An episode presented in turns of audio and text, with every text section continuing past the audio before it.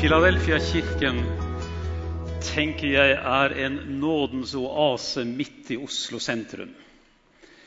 Eh, jeg håper at du virkelig setter pris på dette fellesskapet. Det er bare, det er bare helt fantastisk å ha en så stor og livskraftig og flott menighet midt i en storby som Oslo. Veldig mye å glede seg over. Har dere det bra? Fint. Jeg har det også veldig bra. Er det ikke en flott tanke at lille meg blant ellers ja, ca. 7700 millioner mennesker på kloden kan tro at jeg er gjenstand for en helt bestemt oppmerksomhet fra Guds side? Det er dette pinse handler om. Det er dette Ånden handler om. Fordi Ånden er gitt meg, så sier Bibelen at jeg er ikke lenger farløs i denne verden, selv om jeg mista min far for en del år tilbake. Jeg har en forsvarsadvokat som tar saken min når jeg roter livet mitt til. Jeg har en som ber for meg når jeg ikke orker å be selv. Troen min handler ikke om mine åndelige muskler, men at Gud gjennom pinsedagen er kommet nærmere meg enn min egen pust. Eller som vi nå synger her i menigheten Du er rundt oss og i oss, Hellige Ånd, vår usynlige venn. Yes! Hvordan leve et liv fylt av Den hellige ånd? Det er den tredje og siste tema i en serie om Den hellige ånd.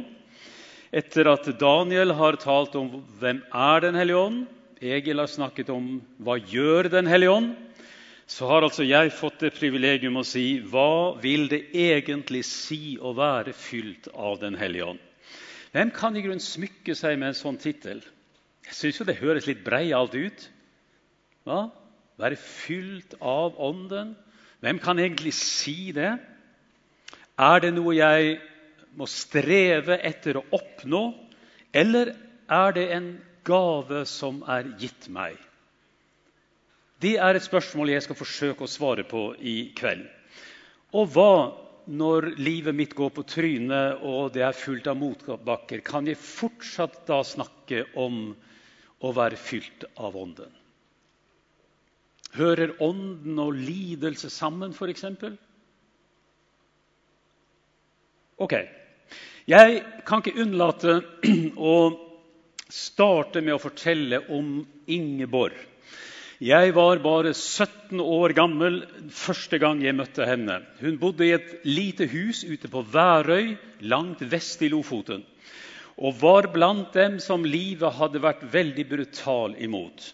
Bare 23 år gammel, like før dette bildet ble tatt, så ble hun enke og mista mannen sin på havet og sitter da igjen med tre små barn. Da jeg ble kjent med henne, så var hun blitt en eldre dame. Hun nøt en forunderlig respekt på øya. På folkemunne ble hun gjerne kalt for Salig Ingborg, for folk mente at hun hadde noe med Gud å gjøre. Naboen hennes, en lastebilsjåfør som ellers var lite å se i kirker, han fortalte meg hvordan han hver morgen skimta konturene av henne gjennom vinduet inn til kjøkkenet hennes. Der så, hun, der så han at hun lå og ba på kne ved vedovnen alltid med et sjal over hodet. Hun brukte å si at 'det gjør jeg for englenes skyld', og hva tror du da for Gud? var uttrykket hennes. Og når det kom fremmede selgere for eksempel, på døra på besøk, så ba hun dem alltid inn. Hun møtte dem med vennlighet. Og da de skulle gå, fulgte hun dem alltid til døra. Da pleide hun å stryke dem på kinnet. Hun var veldig lite, altså var ofte høye menn, så sto hun og strøk dem på kinnet, og så sa hun Men du ber vel til Gud? Var alltid spørsmålet alle fikk som var innom henne. Jeg så hvordan staute menn kunne stå med tårer i øynene. Jeg elska å være hos henne. Merka en sånn indre spiritualitet hun hadde. Og Jeg la merke til hvor flink hun var til å oppmuntre oss som var unge på den tida. Når vi var samla til ungdomsmøte i ett hjem, så samla hun de andre bønnekvinnene på Værøy i et annet hjem, hvor de ba til Gud for oss i løpet av en kveld. Hun var blant disse bønnekvinnene som Gud lot meg få møte, de med rull i nakken og glød i blikket. Fantastiske mennesker. Den senere så kjente Per Fugelli var lege på den tiden ute på Værøy. Og Da det nærma seg slutten for Ingeborg, og hun visste at hun skulle dø, så sendte døtrene hennes på sykehjem. men Hun ville ikke dit, men hun kom nå dit. og Da spurte jo Per hva, hva, hva gjør du her. Og Da svarte hun det var nok fordi Gud ville at jeg skulle treffe deg og spørre deg hvordan du har det med vår Herre. Det var Ingeborg. Slik lot Gud meg møte en person som jeg tror var fylt av ånden. Men jeg syns det er både godt og krevende å snakke om denne tematikken. Fordi vi har så forskjellige erfaringer og forestillinger om hva dette handla om. Noen miljøer snakker tydelig om åndsdåp og tungetale og nådegaver, mens andre snakker mye mer lavmælt. Noen har hatt sterke følelsesmessige opplevelser. Andre har måttet slå seg til ro med at de aldri kommer til å bli en del av det karismatiske A-laget, selv om de gjerne ville det. Åndsdåpen ble liksom aldri deres erfaring slik de trodde det skulle oppleves. Å være fylt av Ånden kan lede noen i retning av å tro at jeg som kristen har enten mye eller lite av Ånden inni meg. Men Ånden er en person. Og vi snakker ikke om personer i prosenter og porsjoner. I USA spøker man for rundt dette. Da kan du for høre at du er 'wasted anointed'. Da er du liksom står til midjen i salvelse. Eller du bare er 'ankle anointed'. Da er, du, da er du litt mindre åndelig. Jeg tror det er helt feil å tenke sånn. For Den hellige ånd er jo Guds eget nærvær i verden. Den treene Gud er et personvesen som jeg kan ha tillitsforhold til. Og det måles i relasjoner, ikke i volum. Åndens gave er ikke bare noe Ånden gir, det er Ånden selv. Å være åndsfylt handler om å utvikle en dynamisk relasjon til Ånden som en levende person. Så en person splitter vi jo ikke opp i deler og prosenter. Det ville jo blitt litt som at jeg skulle kunne tenke at jeg er omtrent 30% gift med Rigmor, kona mi. Men relasjoner er ikke matematikk. Det handler om tillit, om kjærlighet, om hengivenhet. Jesus sier det så flott i Johannes 3, 34, at Gud gir Ånden i fullt mål. På nynorsk lyder det enda vakrere at Gud gjev anden uten mål. Og på engelsk God gives a spirit without limit. Uten noen begrensninger. Hva betyr nå dette? Vel, la meg bruke et bilde. Eldre mennesker husker tider i Norge da vann måtte bæres inn i hjemmet, slik man fortsatt må gjøre i Niger, som vi hørte. Den gang var bad i Norge et luksusgode. Så kom det vidunderlige framskrittet det innlagte vannet. Trøtte kropper kunne rette ryggen og bare kort og godt bli velsigna av det som kom ut av kranen, uten begrensninger og bare ved hjelp av en liten håndbevegelse. I evangeliet etter Johannes så finner vi ikke bare fortellingen om vannet som ble til vin. Men vannet er også et bilde på ånden som gir liv, og som skaper vekst. Foran en undrende kvinne utenfor landsbyen Sykar så sa Jesus en gang La oss lese sammen, og nå vil jeg høre stemmen din. Nå leser vi som et åndens folk. Den som drikker av det vannet jeg gir, skal aldri mer tørste. For det vannet jeg vil gi, blir i ham en kilde med vann som veller fram og gir evig liv. Innlagt vann, altså. Senere kom Jesus til Jerusalem under løvhyttefesten. Det var en fest der jødene feiret innhøstningen av årets grøde og minnes oppholdet i ødemarken der de bygde skrøpelige hytter av løv. Til en sånn høytid kommer Jesus en dag, og så begynner han å fortelle om en annen innhøstning og hva som skal kjennetegne dem som trodde på ham. Og vi fortsetter å lese. Den som tørster, skal komme til meg og drikke. Den som tror på meg, fra hans indre skal det, som Skriften sier, renne elver av levende vann. Dette sa han om ånden de som trodde på ham, skulle få. Hvis de var heldige, hvis de vant i Lotto eller noe sånt. Nei, det er et løfte som er gitt til alle. Etter pinsedag har den troende fått innlagt vann. Sånn kan du tenke om ditt forhold til Den hellige ånd. Troen på Jesus er ingen teoretisk konstruksjon. Det er noe langt mer dynamisk. Det handler om et liv som er født, en kilde som er åpnet, og en elv som får det til å vokse og gro rundt meg og i meg. Å være fylt av Ånden er ikke noe mindre enn selve normaltilstanden for en kristen. De aller første kristne tror jeg neppe ville ha forstått uttrykket som vi bruker, 'en åndsfylt kristen', eh, til forskjell fra en vanlig kristen. liksom. Det ville være litt som å si en norsk nordmann, og det sier vi jo ikke. Å være åndsfylt var å være en kristen. Å være kristen var å være fylt av Ånden. Den var kristen som hadde Ånden. Ellers var du ikke kristen i det hele tatt. Dette var hverdagsbekledningen for enhver troende. Det er derfor disse uttrykkene går litt om hverandre i Det nye testamentet. Eh, vi er født av Ånden, vi er døpt i Ånden, vi er fylt av Ånden. Alt dette er bare litt ulike formuleringer som uttrykker akkurat det samme. At jeg er Guds barn takket være at jeg har fått Ånden inne i meg. Så i stedet for å tenke i porsjoner og prosenter, mye eller lite, tenk mer nytestamentlig.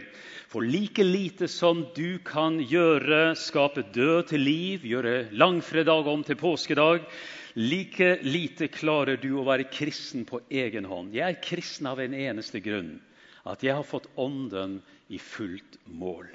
Hos Paulus er det, er det å ha del i frelsen helt synonymt med det å ha del i Ånden.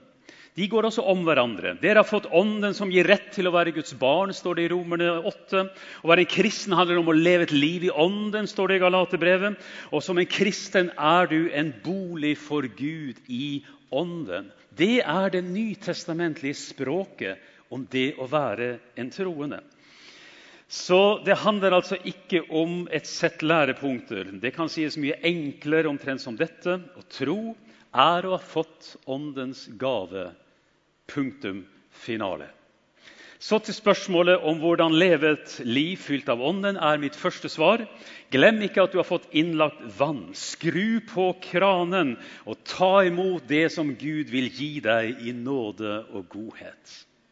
Amen. Da Jesus under løvhyttefesten snakket om elver av levende vann, så profeterte han om en helt bestemt hendelse som skulle finne sted i frelseshistorien. En hendelse som er så svær at jeg har trøbbel med å forklare den, om jeg er aldri så mye teolog. Og Det bringer meg over til apostlenes gjerninger. Den boken som forteller om hvordan kirka ble til. Og Jeg sier det gjerne, jeg bare elsker den boken. Men det interessante er at selv apostlenes gjerninger har ingen detaljert beskrivelse om hvordan jeg får Ånden eller erfarer Ånden. Det finnes ingen oppskrift i fire punkter. Slik blir jeg fylt av Ånden. Men Bibelen har noen fortellinger. Den har noen uh, historier om mennesker som åpnet seg for Ånden. For Ånden kommer på tusen forskjellige måter. Ånden er så rik og mangfoldig at vi trenger ingen strikte skjemaer som vi av og til har hatt tendens til å lage. Apostelgjerningene 2 er historien om den gang Ånden kom som en lava strøm over noen engstelige venner av Jesus. Det lå liksom noe i lufta. Jesus hadde snakket en stund om en annen dåp enn Johannes dåpen, en dåp i Ånden. Så disiplene begynner kort og godt å be, og de ber i flere dager. De aner at noe kommer de til å få.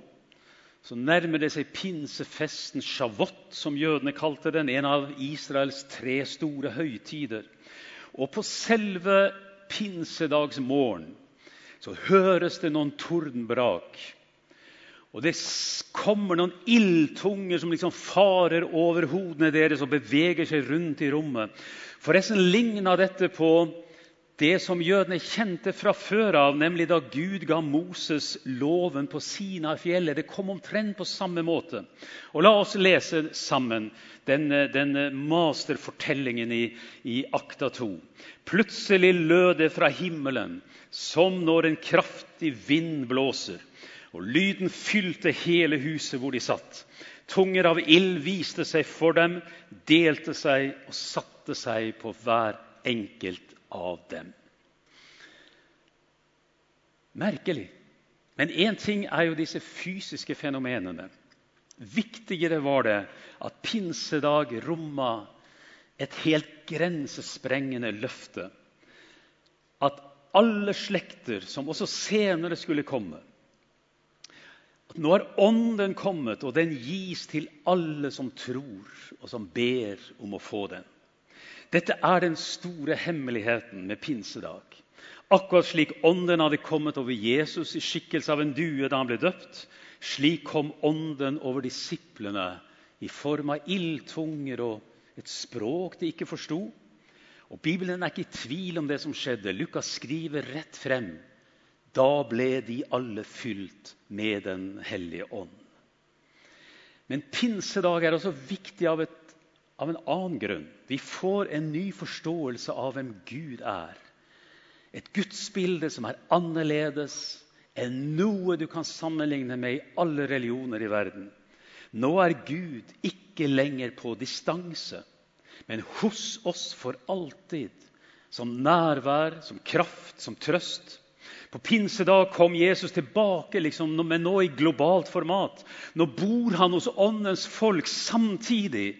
Til alle steder og på alle tider og under alle omstendigheter. og i alle slags dager som du måtte erfare. Etter pinsedag er det bare ett kristent liv, og det er livet i Ånden. Kan det skrapes sammen til et lite ammen her i kveld, eller hva? Er ikke dette fint? Pinsedag kom jo med en fantastisk hilsen til oss alle. At nå har Gud døpt hele sin kirke med ånd og kraft. Jeg tror på de individuelle opplevelser.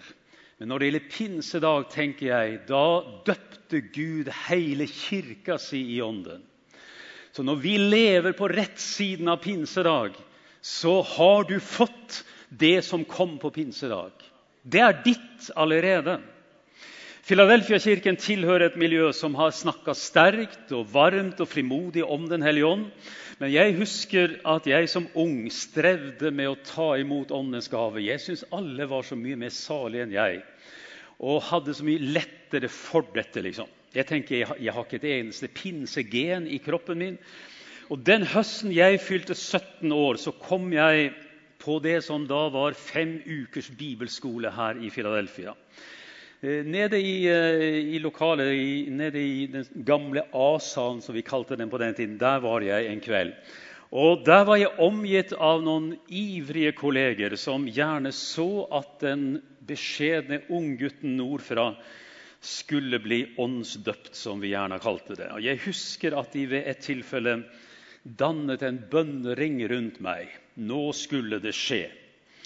Og de ba, og de ba veldig intenst. Så intenst at de ikke engang merka at jeg bare lurte meg ut av ringen og forsvant. Det, det, det der var ikke min greie. Jeg skjønte at jeg måtte over på en annen kanal. Jeg måtte lytte inn Guds stemme på en annen måte.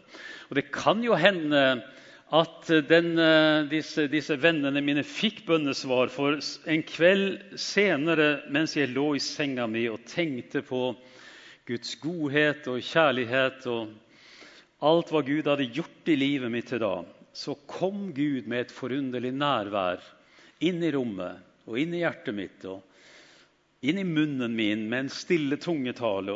Jeg lå forresten og nynnet på en sang av eh, av Trygve Bjerkerheim fra Det norsk-lutherske misjonssamband. Gud velsigne den mannen og, og, eh, og, den kirka. Og jeg sang 'Det er nok det som Jesus gjorde'. Det er nok det som han har sagt. På et fullført verk får du hvila, og så ferdas med fryd din vek.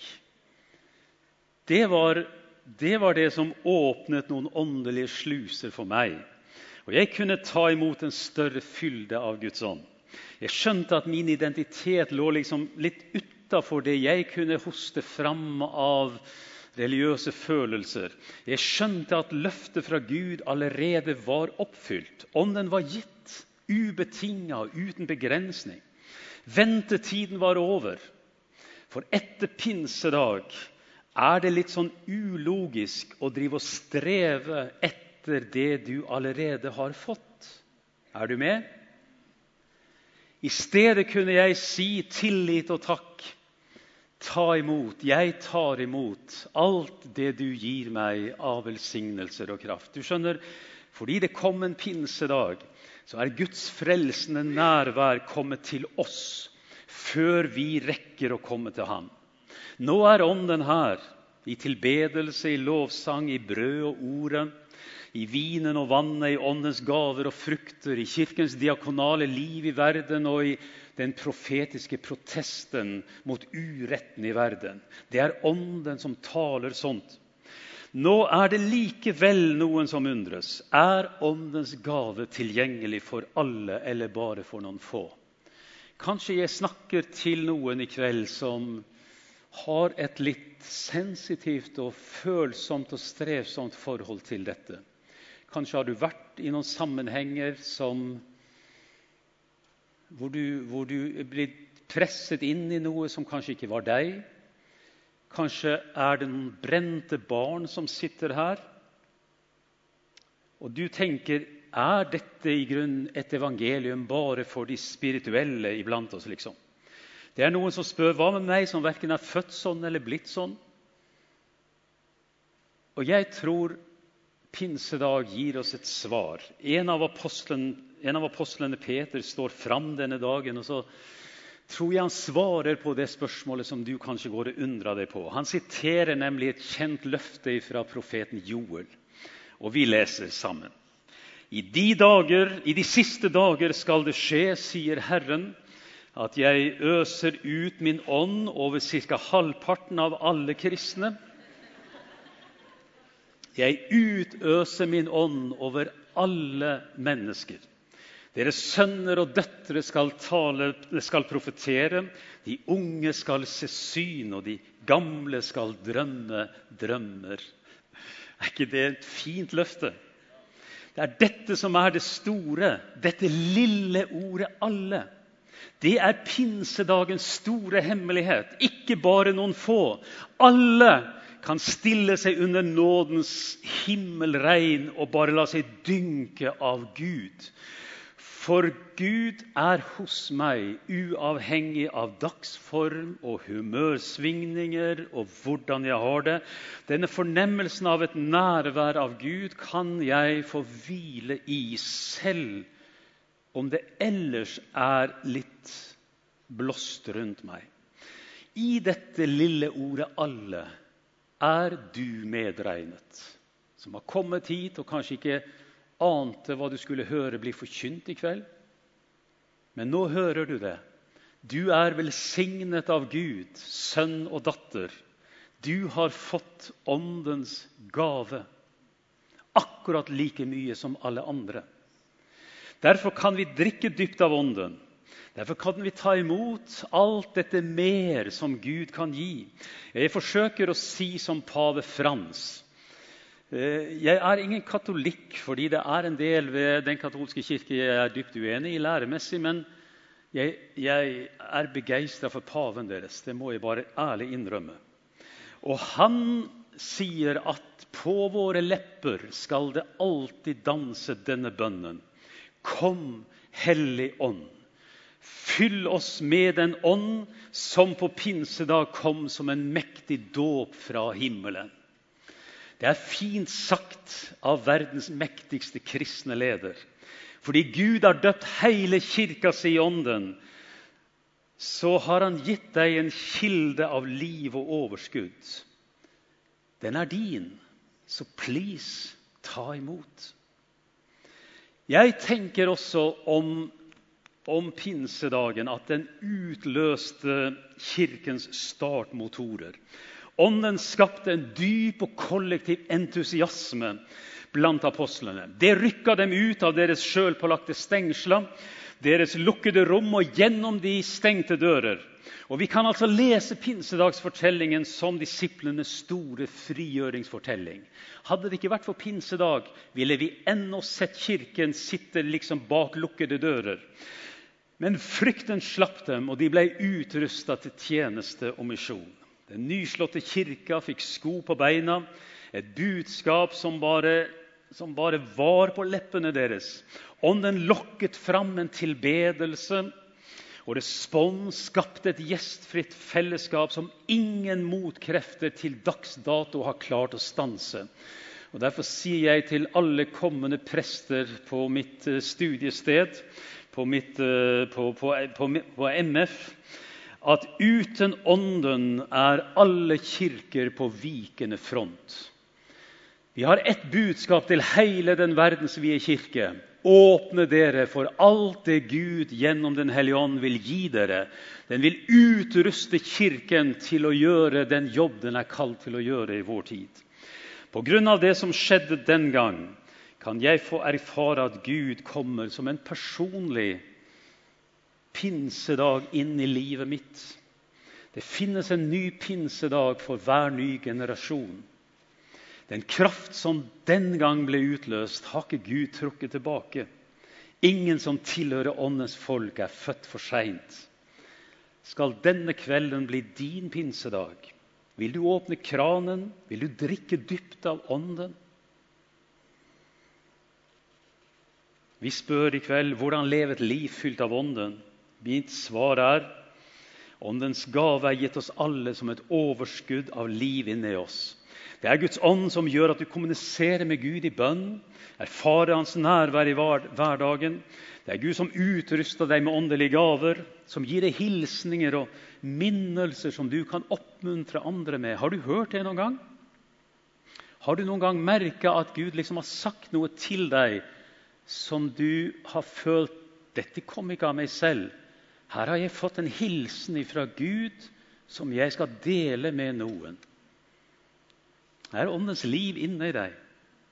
Det er Ånden som stimulerer og intensiverer dine kunstneriske gaver og talenter, som gjør verden vakrere. Det er Ånden som løfter våre fellesskap på lovprisningens vinger, som gir oss frimodighet til å dele og kraft til å tåle. Det er Ånden som gjør oss etisk bevisste midt i vår tid og gjør oss til disipler av Jesus. Alt dette er Åndens liv.